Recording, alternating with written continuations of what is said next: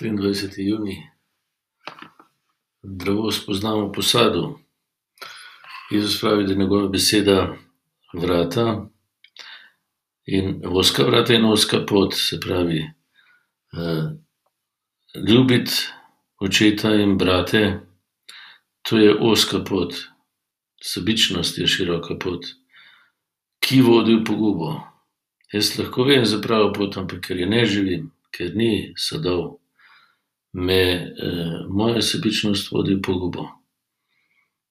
ne dovolj, ni dovolj, če imam pravi nauk pa vse pravilno, če pa tega ne živim z usmiljenjem njega do mene in posledično mene do vas, do bližnjih. Ja, to se mi zdi nekako bistvo tega odlomka. Drevo, drevo v življenju je Kristus.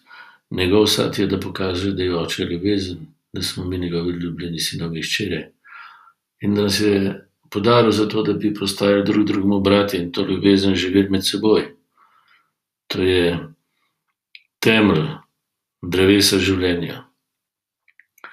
Farizeji in pismomuki to vedo, ampak sadov ni. Oni, hočejo sebe uveljaviti.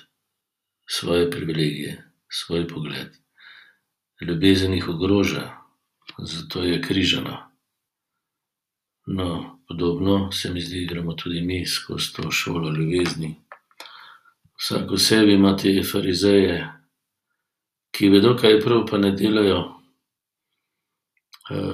hkrati pa njegova božja beseda, ki je ozka vrata in strma pot, neskončno močnejša.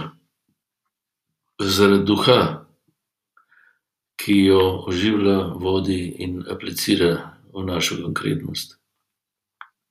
Da bi obrodila sadove, tudi ti in jaz. Sadove dobrega drevesa. kot drevo, ki ima korenine v Bogu in tukaj na zemlji obrodi